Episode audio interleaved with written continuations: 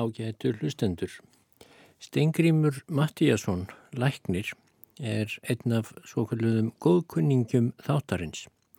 En ég hef gegnum árin og mér líkur við að segja áratugina alltaf öðru koru lesið úr skrifum Mattíasar sem auk læknistarfa sinna skrifaði reyðinar býst um margvísleg málefni og hlustendur frjálsara handa hafa því fengið að heyra ímislegt sem hann hafði að segja um heilbreyðismála á Íslandi á fyrir hluta 20. aldar en við höfum líka fyllt honum um heiminn, farið með honum í reysu um Östurland, Östurlönd, Suðaustur Asíu og víðar og við fylgdum honum fyrir nokkrum árum til Þýskalands í fyrri heimstyrjöldinni þar sem hann heimsótti meðal annars hersjúkrahús og eh, lísti því hver ítla á sig komnir þeir vesalingar voru sem allt hafði verið í stríði skotgröfunum á vesturvíkstöðunum. Í þessum þætti er Stengrimur Mattíasson enn áferð í útlöndum en öllum nær okkur þó eða í Danmörku. Þar endaði Stengrimur æfi sína þótt hann andaðist að vísu á Íslandi. Í minningarkrein eftir uh, Steingrím sem lést árið 1948 þar skrifaði Valtýr Stefánsson rittstjóri Morgumblaðsins um Steingrím sem var fættur árið 1876 varð student vorið 1896 og tók svo læknispróf 1902 en 1906 varðan læknir á Akureyri og Valtýr segir í minningargreininni Í 30 ár var Stengrimur heitinn læknir á Akureyri, framúrskarandi afkastamadur, sívinnandi, endist til þess áratugum saman að skipta sólarhingnum á milli spítalastarfa, sjúkravitjana og læknisferða út um héradið. Það var eins og maðurinn væri óþreytandi ofan á hinn daglegu skildustörf og með sívakandi umhyggju fyrir fjölda sjúklinga las hann feiknin öll af fræðibókum og rítum viðvíkjandi starfi sínu, skrifaði í blöð, fræðandi og vekjandi greinar, þýtti og samti bækur til leðpenningar fyrir almenning í helsufræði. En þegar hann hafði starfað á við 2-3 í nokkur ár í einu, fór hann út í heim til að sjá nýjungar í greinsinni og kynnast öndvegisleiknum ímsara þjóða. Í öllu starfi Stengrims og umgengni hans við samstarfsfólk og sjúklinga gætti mjög bjart síni hans á mátt lífsins, á sigur góðra málefna og þá ótalinn er sá eiginleiki hans sem mörgum sjúklingum hans mun hafa reynst ómetanlegur gladlindi hans. Samfara hlýri hjertagesku. Í hvert sinn sem þessi læknir nálgæðist sjúkrabeð var sem legði byrtu yfir allt umhverfi hans. En það var hann ekki aðeins markfróður um líkamann, hann þekkti líka sálarfeilgsni manna, ekki síður en skáldið fadir hans. En Stengrimur var sonur Mattíasar Jokkumssonar, þjóðskálds. Eftir 30 ára læknistarf á Akureyri sótti Stengrimur um lausn frá ennbætti sínu, helt vald hér áfram í minningargreininni fyrrnemdu. Kanski var það útráin sem fylgd honum alla æfi, sem hefur örfaðan til að sitja ekki á sama stað. Hún hafi jáfnvel orðið enþá sterkari þegar hann fann að degi tókað halla. Þegar Stengrimur flutti frá Akureyri árið 1936 fór hann til Danmerkur. Næstu ár tók hann að sér læknistörf fyrir ímsa lækna þar í landi sem voru fjárverandi um stundarsakir en flutti síðan til Nexu á Borgundarhólmi og settist þar að. Komað þangað öllum ókunnugur en aflaði sér þar skjótt, álits og vinsælda. Stengrimur heitinn var kjarkmaður og þrekmaður mikill, svo vel kunnan að stilla skapsitt að erfitt gatt verið að sjá hvort hann líkaði betur eða verð ef hann vildi það við hafa. Svo vandaður var hann í orði að aldrei hyrðist hann hallmæla nokkrum manni og vildi jafnan, erum misfellur einhvers var rætt, leggja allt út á besta veg. Það kom fyrir í þessu landi flokkatókstreitunar að Stengrími var af þröng sínu mönnum talið til njóðs hver líkt honum var um það gefið að skipa sér í ákveðin flokka á sviði landsmála. En því skeitti hann líkt og kom til víðsíni hans og heimsborgarabragur sem var honum frá öndverðu eðlilegur. Þótt hann væri mikill ætti erðarvinur, gat hann hugsað sér verksviði sitt hvar sem var í heiminum. Hann hugsaði um mannkinn sem eitt félag og var fyrst og fremst mannvinur er hafði inti af því að koma til að fjörga, gleðja, fæða og frelsa, leysa, hugga, sefa, græða eins og skaldið fadir hans komst að orði. Nú Stengrimur skrifaði heilmikið um duel sína í Grænland í uh, Danmörku og gaf mér að segja út bók um það efni sem heitir Annað lífi þessu lífi. En í þessum þætti ætla ég þó að leita fanga í greinaflokki sem hann skrifaði í sunnundagsblað eh, Alþjóðublaðsins árið 1938 og eh, heitir Í skortningum. En þá var Stengrimur eins og kom fram í minningargrein Valtís afleysingarlæknir í ímsum hérðum í Danmörku og segir þarna sem sagt frá skorningum. Stengrimur segir eiginlega heitir þorpið Skeninga og er á söður fjóni en mér fannst nöðsynlegt að snara nafninu á íslensku og kallaði það skorninga. Ég held ég megi segja að þýðingin sé smellin því smá hæðir eru þar og hálsar með skorningum á milli. Og því fer fjarrri að þarna sé neflaus ásýnd vors sambandslands Danmerkur enda fjónsku alpafjöllin á næstu grösum, en þau sjást greinlega ekki með berum augum.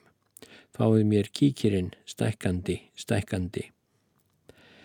Ég hef verið þarna í skorningum þrívegis nokkur tíma í senn og kunnað sérlega vel við mig, svo ég minnist varðla betri staðar af þeim um 20 læknisetrum þar sem ég hef þjónað þeim eskúlápi, læknagvöði og mammon viðsvegar í Danmörku og eiginlega tekist fyrðu vel að þjóna þeim báðum herrum í senn. Þorpið er sannkallað Sveitaþorp því þótt hér búi nokkrir embættismenn og kaupskapar fólk í nýtísku húsum og hér sé apotek og kirkja og mjölkur samlag þá er þó mest af húsmannsbílum og bændagörðum og akrar og tún fast upp að aðalstrætinu svo að allstaðar ángar loftið þægilega af kúamikju og hrossataði. Þorpið er með öðrum orðum laungruna af húsum af gamalli gerð, hvít múrbindingshús, laung og lág með stráþaki eins og í sveitunum týðkast, en innanum hús úr rauðum tígulsteini nýtískulegri á svipin. En að baki sér hafa þessi bændabíli frjálst útsýni til akra og túna og búskapurinn lánast vel Því markaðskilir eru góð og jarðirnar verð meiri svona fast upp að veginum sem um leiðir óslítinn þjóðvegur um þvert, suður fjón og fjölfarin mjög. Og alltaf lengist torpið hér sem víðar því steinstiftu sléttu vegirnir eins og spinna að sér byggðina í einn lopa lands endana á milli og seinast verður ef, eflaust tvísett röð af skíakljúfum með fram öllum vegum. Á hæð í öðrum enda þorpsins rýs kirkjan, gömul og gráskjótt með kupslegum törni. Framan á törninum eru tvö klukkuport eins og augu sem kirkjan veriðist eh, horfa með út yfir þorpið líkt og svingsin ekifsku og segir við þorparana vitu þér enn eða hvað. En þeir sækja ítla messur. Ég sá þar aðeins súregða kalla og rosknar mæðu konur og fermingar krakka sem gengur til spurninga. Það er þó afsú tíð í skorningum eins og víðar að settir séu í gapastokk við sáluhlið þeir sem ekki hyrða um helgar tíðir. Við kirkjugarðin er mikil rægt lögð hér eins og allstaðar í Danmörku, fagrar eikur og hengibjörg og takstré sem líkjast kýpressunum sem rómverjar gróður settu í öllum gravreitum og margir eru leggsteinarnir snotrir og leiðin blómum prýtt. En það er að verða hrein landplága í öllum kirkjugörðum að marmaradúfunni sem tilt er upp á burst flestra leggsteina. Samanber gráð, þögull, harmafugl, nýpir eins og segir í kvæðinu. Ekki síst þegar maður veit að gróðafíkin leggsteinasmiður varð miljóna eigandi fyrir uppfinninguna og fyrir að bralla dúfunni út meðal sirkjenda. Í hinum enda þorpsins þeim óæðri standa tvær vindmillur símalandi nema í lokni. Það er standa þar eins og yðíu samar ambáttir, auðvalds og efnisíkju en sínast hund heðinar. Því þóttu vangir þeirra séu upprunnulega skapaðir í kross þá stilla þær venjulega krossinum þannig að úrverður rúsneskur skákross og óðara en þær eru komnar í gang er krossins fornhelga rún orðin að vélræðisins hverfanda kveli sem malar bæði malt og salt í þjónustu ákindar og auðsöfnunar. En í skorningum sem víðar þykir bæði sveitarstjórn og skattanemnd vænt um allan gróða og ákjósanlegast að sem flestir getu eignast skollabugsur fullar af peningum til að vera í bæði syngt og heilagt.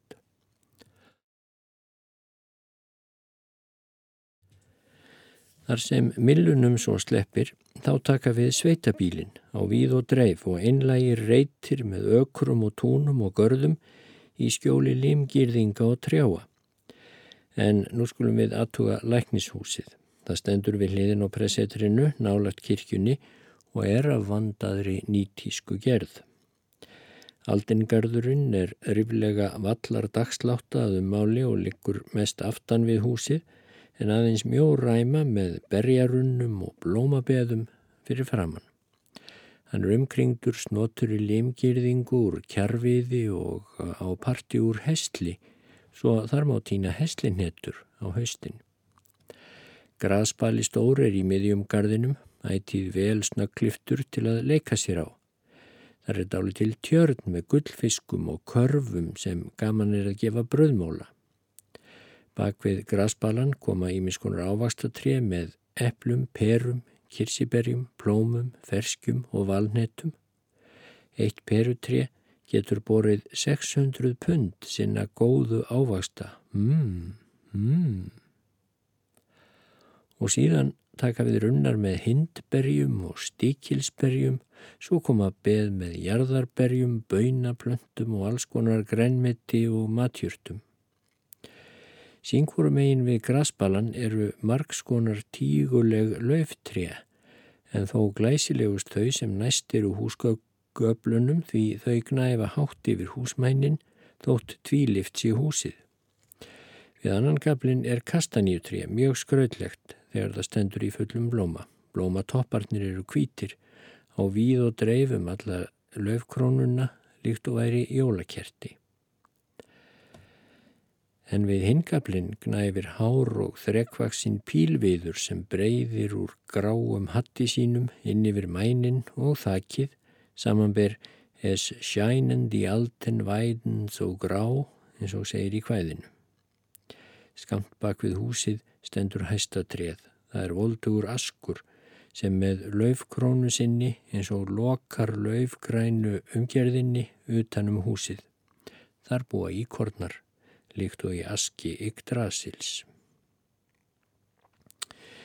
Mesta príði húsins er þó löfstakkurinn úr viðbendi og eh, villivíni sem klæðir vekkin og blómskúvarnir sem aftur slöngva sér upp eftir löfbreyðunni, kvítar og rauðar rósir og gular ilmandi kaprifíólur.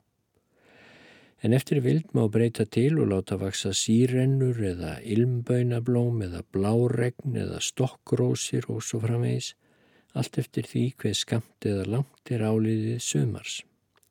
Þetta þótti mér hartla gott. Og þess vegna fjölirði ég um það þótt ímsum karlmönnum kunni að virðast þetta hjekomi, en ég veit að ímsum konum, vinkonum mínum, þykir gaman að horfa á þetta í huganum og ég gerir aðfyrir að þeim fari eins og mér að þær drýji hugrenninga synd gegn nýjunda bóðorðinu og taki að ágýrnast bæði húsið og gardin. Blómarækt og blómskreiting húsa múrvekja og limgerða fer stöðugt í vöks í Danmörku Því klifurjurta og klifurjurtir og blóm halda sig sjálfkrafað veggjunum þegar þau einu sinni hafa verið gróður sett á réttum stöðum. Danir hafa lert þessa heimila príði af þjóðverjum en þeir aftur af frökkum en frakkar af ítölum en ítalir lærðu þetta af sjálfur í náttúrunni.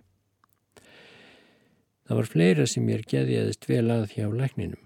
Það voru fjórir krakkar hans, fjörugir og mátulega óþekkir og allt fólk hans og sifjalið sem kom í heimsókn við og við. Þar á meðal voru ung hjón sem að útliti og í allir í hátsemi myndu mig grandgæfilega á pilt og stúlku vini mína heiman af Íslandi sem núna eru dáin.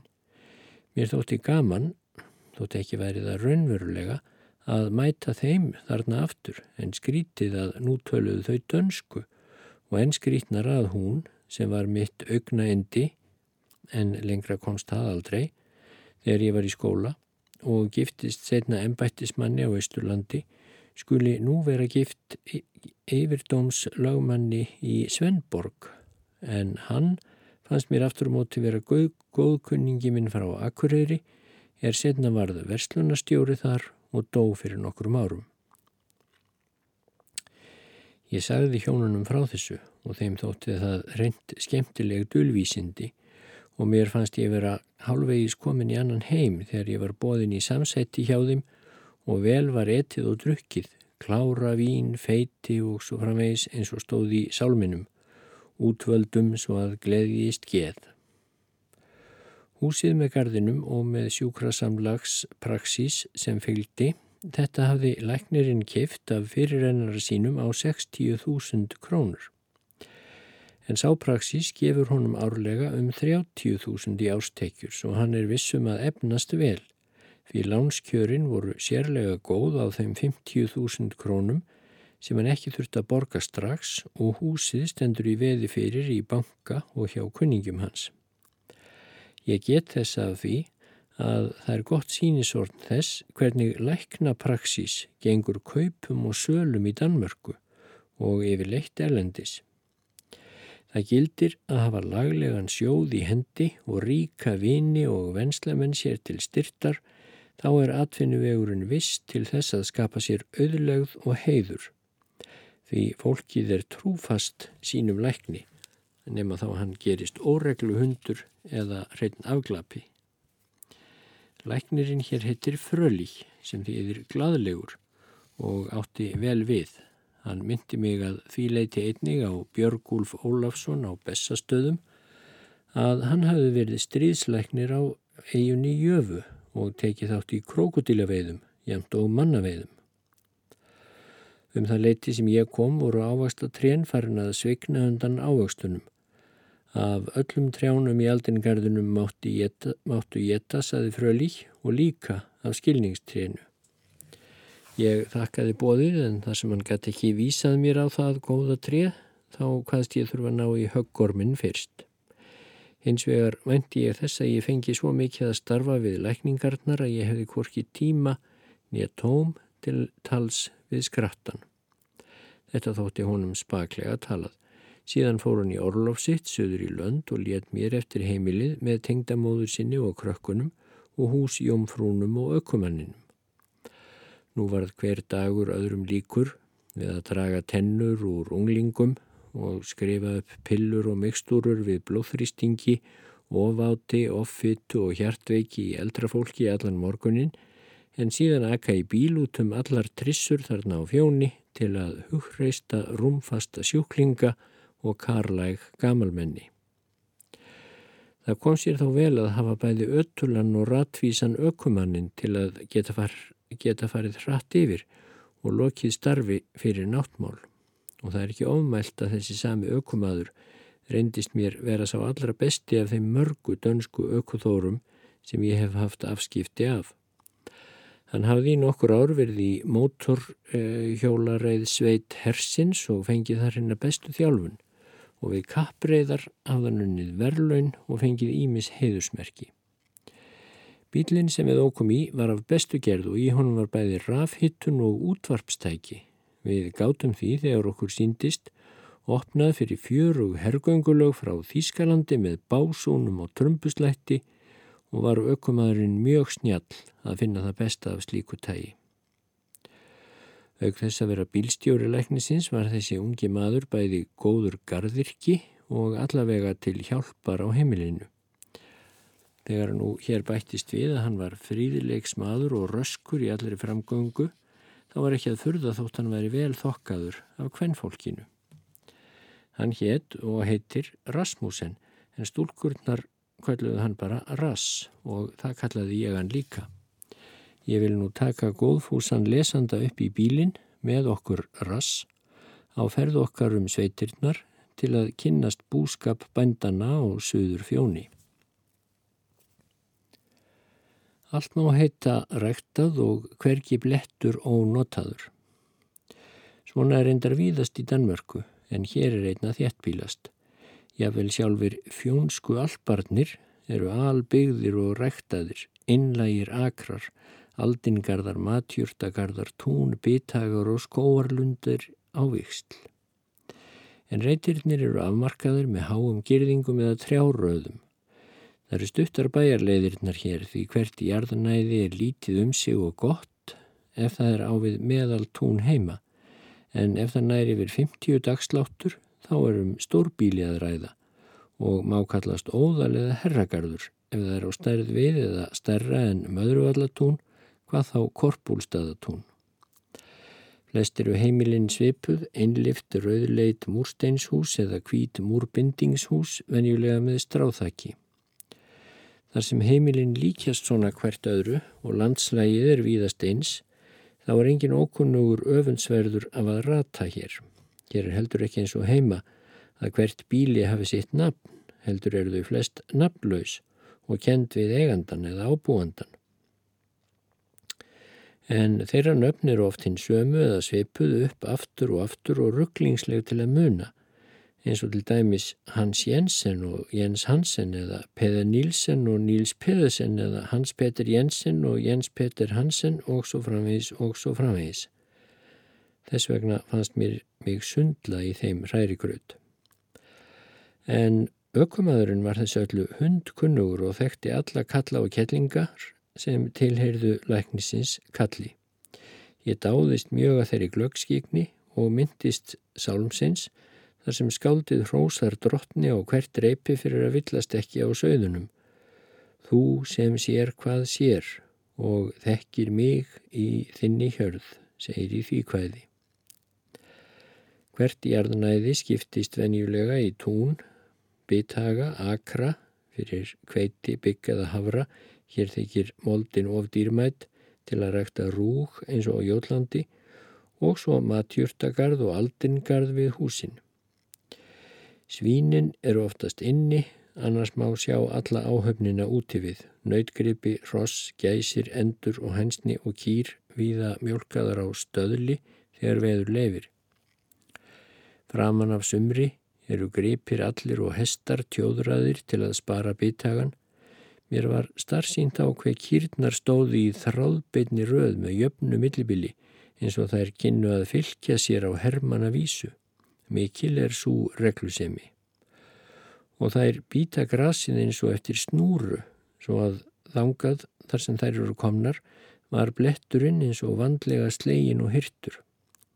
Þetta var að þakka fóðruninni og notaðist hann í bletturinn út í istu æsar. Þetta væri sjálfsagt eftir breytnisvert heima þar sem lítið er um haga en hrættur er í um að kusur okkar og hross myndu ílla una slíkri tjóðurun og mörgum bondanum þykja þröngt fyrir dýrum að geta ekki sigað trippum upp í fjall og sendt kýrnar út á nes. Beljugregin dönsku býta vandlega blettina sem tjóðrunin afmarkar þeim þó að mísjafni séu reytirnir sem hverri kusu fellur í hlut sem staðar máski mikið af njóla, arfa og öðrum rutta en það skal í þær, segir fjósamadurinn og vömbin að verða þær að fylla en honum ber að hlýða því hann er venjulega stjórnsamur herra fjósamadurinn. Mér þótti það til dæmis stjórn sem er góð hvernig einn fjósamadur bindur sinn kúahóp saman, ekki á hölunum heldur á tjóðurkeðjunum, tvær og tvær eða þrjár og þrjár saman og teimir síðan langa slíka festi í laungu bandi. Þannig fara guðsurnar í snótur í fylkingu eftir veginum út í hagan eða heim. Ég hef séð 30 kýr leittar þannig saman af einum hjólandi fjósastrák. Það var líkast því sem gripirnir hefðu gengið í skóla til að læra þetta. Í gamla daga voru yfir fjósamenn á herragörðum kallaðir stallmeistarar og setna fóðurmeistarar. Nú er svo komið að það er alltaf lítilmótlegur, svo lítilmótlegur fjósamaður til að hans ég ekki kallaður fóðurmeistari. Og það er engin lígi að þeir hafa batnað eftir nafnbótina. Eins er um vinnukonur, síðan breytt varum og þær eru nú kallaðar húsassistentar. Ég kann þó ekki við að svo nafnbót sé upptekin heima á fróni heldur verður þær allar kallaðar jómfrúr eða húsjómfrúr til aðgreiningar frá skipsjómfrúm. Þernunafnið kemst hvort sem er aldrei í móð á Íslandi. Kýrirnar á fjóni eru allar rauðar en á Jótlandi flestar svart skjöldóttar.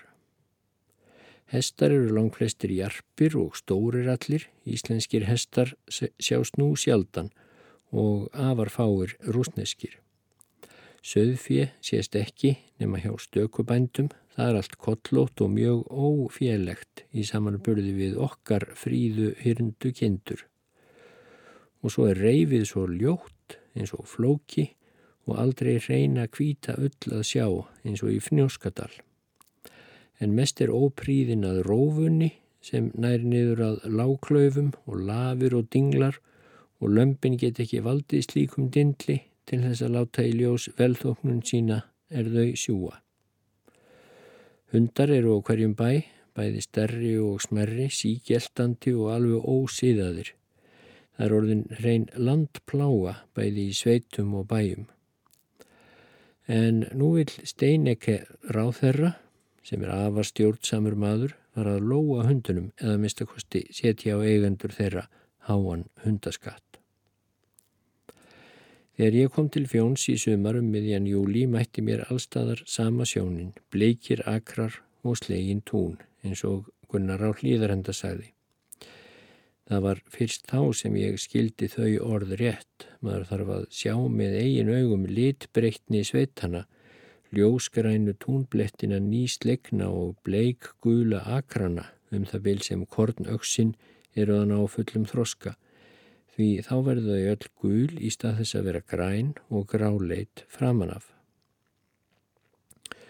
Svo var farið að slá kortgrassið í lok júli eða byrjun ágústs, allt með vélum og gengu oftast þrýr hestar fyrir. Og þetta gekk í einum kvelli og sama vélinn batt um leið kortgrassið í bindi og skirti knippunum frá sér í efnóðum.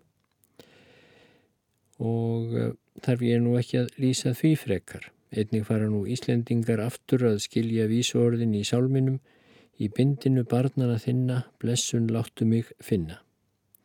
Það er gaman að horfa á kortslátt og sjá hver vel er unnið verkið svo að hvert aks er hyrta vélinni og bundið og engin verða dreifin eins og áður var og ekkert til að týna handa rut eins og hjá bóasi forðum eins og segir í henni góðu bók. Ekki hef ég orðið varfið að danska bændafólkið eigi við betri kjör að búa en bændafólk heima á Íslandi. Það er að sínuleiti álíka fáliðað við allt sitt umstang og verður að leggja fram alla krafta sína til að láta búin bera sig.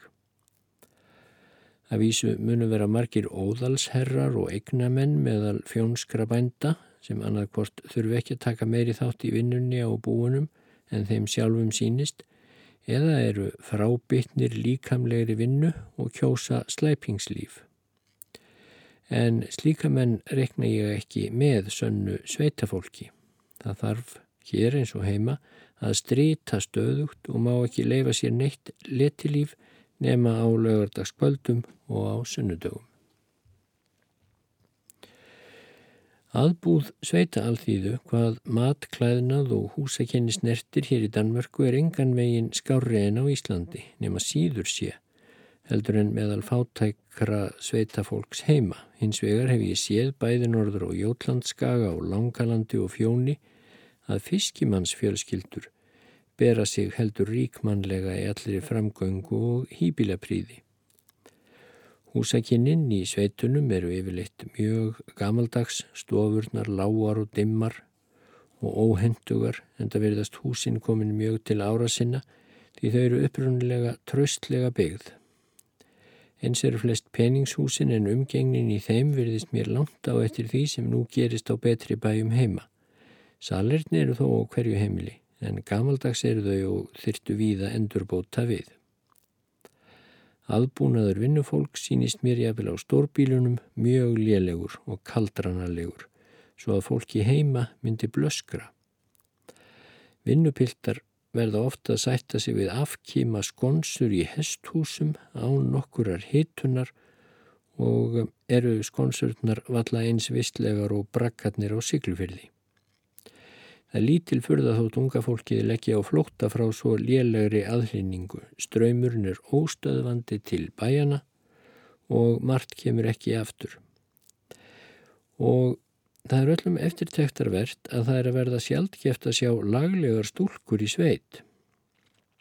Það er vita sem er að það er rífist um þær í vistir og verksmiðjur í borginni Þar geta þær lifað frjálsara lífi og skemmt sér purkunar laust og puntað sig og púðrað ef þeim sínist. Og þær vita líka að margir laglegu sveitapiltarnir koma strax á eftir þeim þegar þær eru komnar í borg og bí, ljótara fólkið verður eftir og Guð má vita ef ekki seinast verður bara intomt álva fólk í sveitunum. Ef bændurinnir vildu dansa við konur sínar svo sem tvísar þrísvar á dag, hálf tíma í senn, þá yrðu þær ekki svona feitar eins og raunberi vikni. En þeir megi ekki vera því fyrir einlægu striti og verða fyrir það magrir, vöðvaberir, æðaberir og þreytulegir. Þær verða aftur feitar og fjörlittlar með æðanúta og fótleikjum fyrir eilívar stöður í eldhúsi og fyrir kyrsetu við saumastakl og kaffi og sætabröð. Og svo kemur blóðhrýstingurinn setna. En kallarnir verða segir og ódrepandi fyrir strítið og einlega útivist. Já, einmitt fyrir strítið og útiloftið. Og svo ól segir verða þeir að ef þeir loksins veikjast þá ætlar döðin aldrei að vinna á þeim. Svo að seinast þarf læknishjálpar við með uppskurði. Ég á hér við miðlungsbændur, smábændur og húsmenn sem allir þurfa að vinna í sveita síns andlits alla daga. En stórbændunir hafa hins vegar næði gott til að fitna og verða oft ístrubelgir miklir en þeir endast þá líka illa og þeir missa listina á dansinum þegar fitan kemur. Því miður verðist erfitt að koma dansinum í gang hjá því giftafólki, jafn hollur og hann er og skemmtilegur og líklega eina bjargræðið til að vernda heilsu og lífskleði. Hér þyrtu þeir Hitler og Mussolini að taka til sinna ráða. En viðras og kumundir þýskum hergöngulögum um sveitina og músíkin sapnaði upplaupi af krökkum í kringum bílin meðan ég var að kúræra kellingarnar. Það var í voru í gróandanum sem ég líkaði svo vel að komast aftur til skorninga og vera þar meðal skóurinn varð all löfgaður og fugglarnir fóru að syngja og ég heyrði spóan vella eins og fyrir sagt. Þó var þessi aprílmánaður kaldranalegur, suttasamur og sólarlaust að kalla framundir mánadarlokk. En þá fór sólin að skína í allir í sinni dönsku dýrð og tíðin varð góð og svo ég noti skáldsins orð það komu góðar og blessaðar tíðir eins og sungið þeir í kirkjunum og stúlkur brosa að. Daglega sá ég bændurna vinna á ökrum og túnum við að plæja og herfa og sá og bera á og undirbúa matjurtagarðana og svo framvegis. Auk mikju og rosataðs er mjög notaður kemískur ábyrður og mergel Minni bændur sá ég sáldra útlenda ábyrðinum með höndunum en á stærri ökrunum eru notaðar vélar. Þannig, þannig og því líka er nútímans vísindilega jærðirkja og þykir öllum skiljanleg og vitturleg. En fyrir tíð Gormsins gamla í Danmörku segja fortfræðingar að venjan hafi verið að slátra einum þræli áður en sáð var og kasa hann á akrinum. Þetta var gert guðunum til velþóknunar og þótti venjulega gefast príðilega og búfræðingar þeirra tíma töldu þessa aðferð guðdómlega, jamt og vísindalega. En bytti nú, eitt sá ég enn hjá þeim fjónsku bændum. Ég sá þá aka feik, feiknarstóri tunnu og dróðu tveir hestar kerruna sem tunnan kvildi á. En aftur úr tunnunni sprendi grænleitur Íringsfoss yfir tún og akkur. Mér varð starfsýnt á tunnuferlíkið og hugði bakkus komin eða hér væri frey blótað til árs og friðar með dönsku öli og jörð tekur við ölþri eins og stendur í háamálum og ekki í. Hér var ekki öl á ferðinni, heldur bara hland með respekt að segja.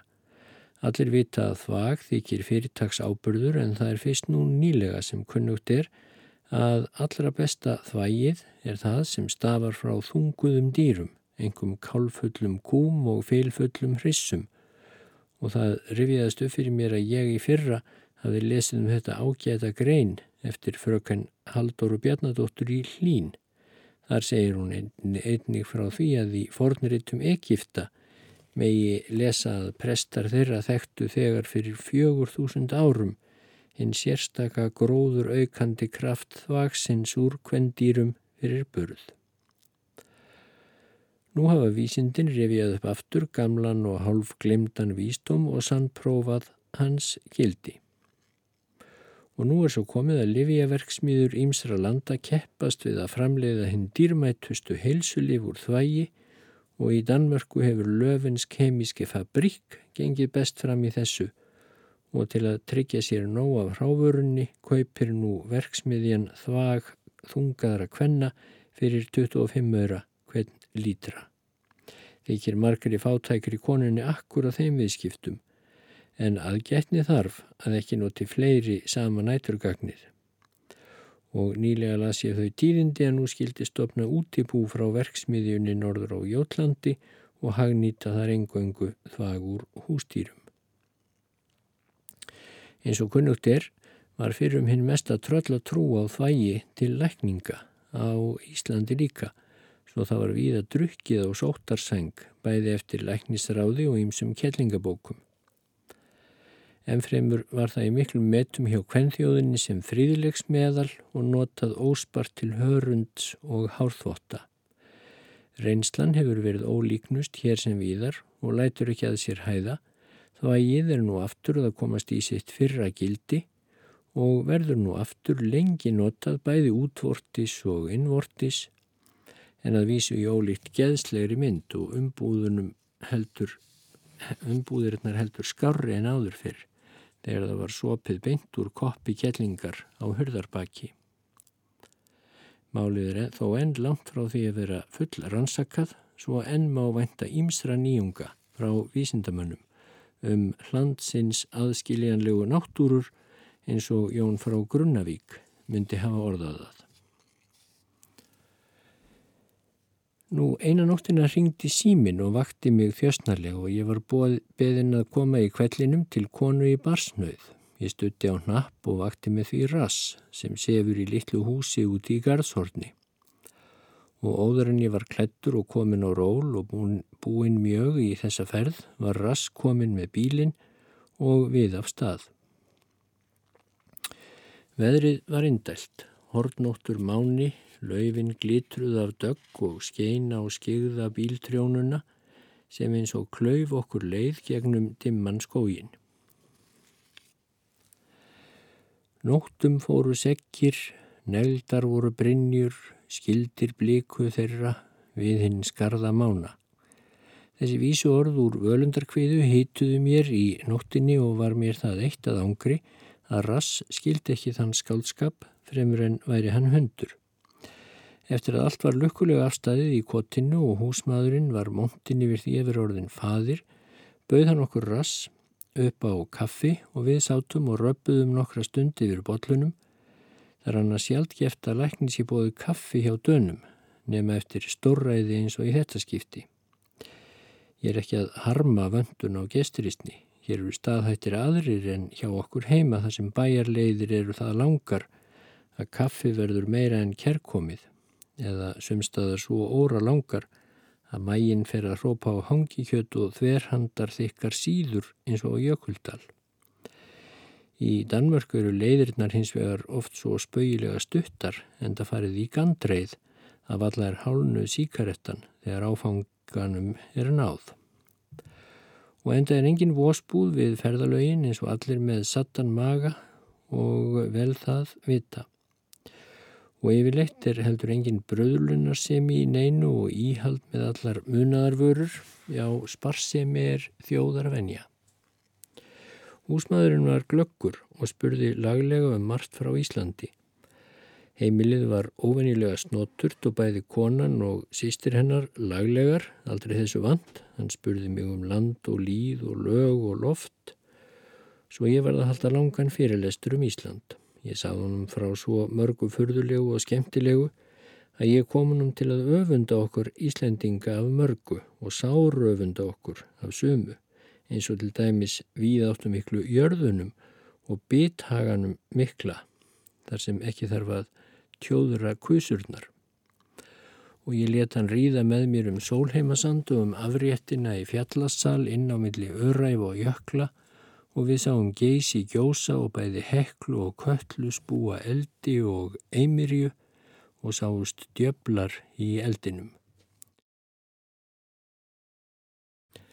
Ég kom þeim rass og húsmanni, reynd upp í annan og betri heim. Þeir gloftu forviða og hefðu gætnan vilja fljúa með mér heimleiði yfir Danavöll eins og Einar Benediktsson segir í hvæði þar sem honum leiðist fjalllaust frón sem er Danmörk. Ég saðist á hinbóin öfunda Dani af skóunum og vegunum og sjúkrasamlugunum sem gefa öllum efna litlum svo að segja ókeppis læknishjálp og sjúkrahúsvist og fríuðu læknin við að þurfa að krefja fátæklinga um borgun fyrir læknishjálp. Hins vegar saðist ég ekki öfunda Dani af veðráttunni þótt hún væri mildar en á Íslandi. Þeirra sutta kulda vetur er oft á tíðum andstíkilegur og þeir geta litlu síður en við átt á hættu að fá stundum langa rigningarkabla, já mígandi rigningu í margar vikur. Og ég hrósaði okkar kaldari veðráttu sem hefði skilirði til að gera okkur hraustari en aðrar þjóðir Ég talaði borginmannlega um frost og fannir og stórhýðir, það þyrti bara að búa sig vel til að mæta þeim. En landið okkar kalda þarf einnig að færa í skjólklæði og það getum við lært af dönum. Skóarnir eru hverju landi skjólklæði og skartklæði um leið. Því meira sem ég hef séð á Danmörku, því meira nextlast ég á þeim gigshætti að kalla það neflausa ásýnd eins og segir í einu kvæði. Algenga landslægi danska er öldótt með læguðum á milli, allt gróður í vafið og skóar alltaf annað slægið, hvar sem farið er og smávötnin hér og þar til að príða útsýnið. Skóarnir og runnarnir og trjágarðarnir við heimilinn og svo limgerðingarnar millir akra og garda og trjáraðirnar með fram vegunum, allt þetta og svo snottur kvítmáluð eða kvítmúruð heimilinn og peningshúsin hjálpa stað við að gefa landinu almennt sinn geðslega og huggulega hýra sveip. Saumað með blómstrandi lundum, saði fadur minn, og ekki spilla sólhýru sundin. Í æfisögu sinni segir fadur minn frá því að hann hafi grátið af hrifningu þegar hann, unglingurinn, sigildi inn Eirarsund og hafði klifrað upp í reyða og skonnortu til að fá betra útsýni til Danverkur. En vissulega eigum við heima engu síðri fegurð og þó stórkostlegri. Því lík bót væri þó ekki að því ef landið væri enn skói vaksið millir fjáls og fjöru, líkt og í fornöld, áður en mannskeppnan og söðskeppnan komið til sögunar. Sem betur fer getum við líkt og danir fært landið okkar aftur í skartklæði og skjólklæði. Ennfremur saðist ég öfunda þá litlu Danmörku hver stór hún væri að fólksfjölda í samanbörði við okkar strjálbílu byggðir. Og ég stór öfunda Dani af því að þeir eru okkur Íslendingum langt um fremri í hófsemi, engum á drikk og reglusemi í fjármálum. Ég hef farið víða um Sjáland, Fjón, Láland, Langaland, Borgundarholm, Jótland og Suðurjótland og hverki séð neina ofdrykju. Ég hef kynst alþýðinu og heldra fólki á heimilum þess í daglegu lífu og veistlum. Ég hef farið aftur og fram með skipum, sundin og með hjáttbröytar og mótorvagnum og í þeim ferðum hef ég haft óteljandi mann grúan fyrir augunum en ég minnist þess ekki að ég hef séð nokkur mann drukkin. Ég svaf illa það sem eftir var næturinnar og eitthvað fór á mig sem kallað er martröð en síðan dreymdi mig að ég væri að vaða krapið í fláanum á stóra sandi og miðaði hægt því endalöysar voru bölvaðar fláarnar. Þá til ég vaknaði. Þá var bjartur dagur og ég fagnaði lífi og helsu og góðu morgunkaffi og dönsku smjöri og hafði yfir versið sem ég ætið kann, dagur er, dyrka ber, drottin Guðminn og svo framvegis. Þá kvíslaði drottin að mér að, uh, þá kvíslaði skrattin að mér að drottin kerði sig ekki um slíkt. En ég skaut við því skollægirum og þuldi versið á nýj.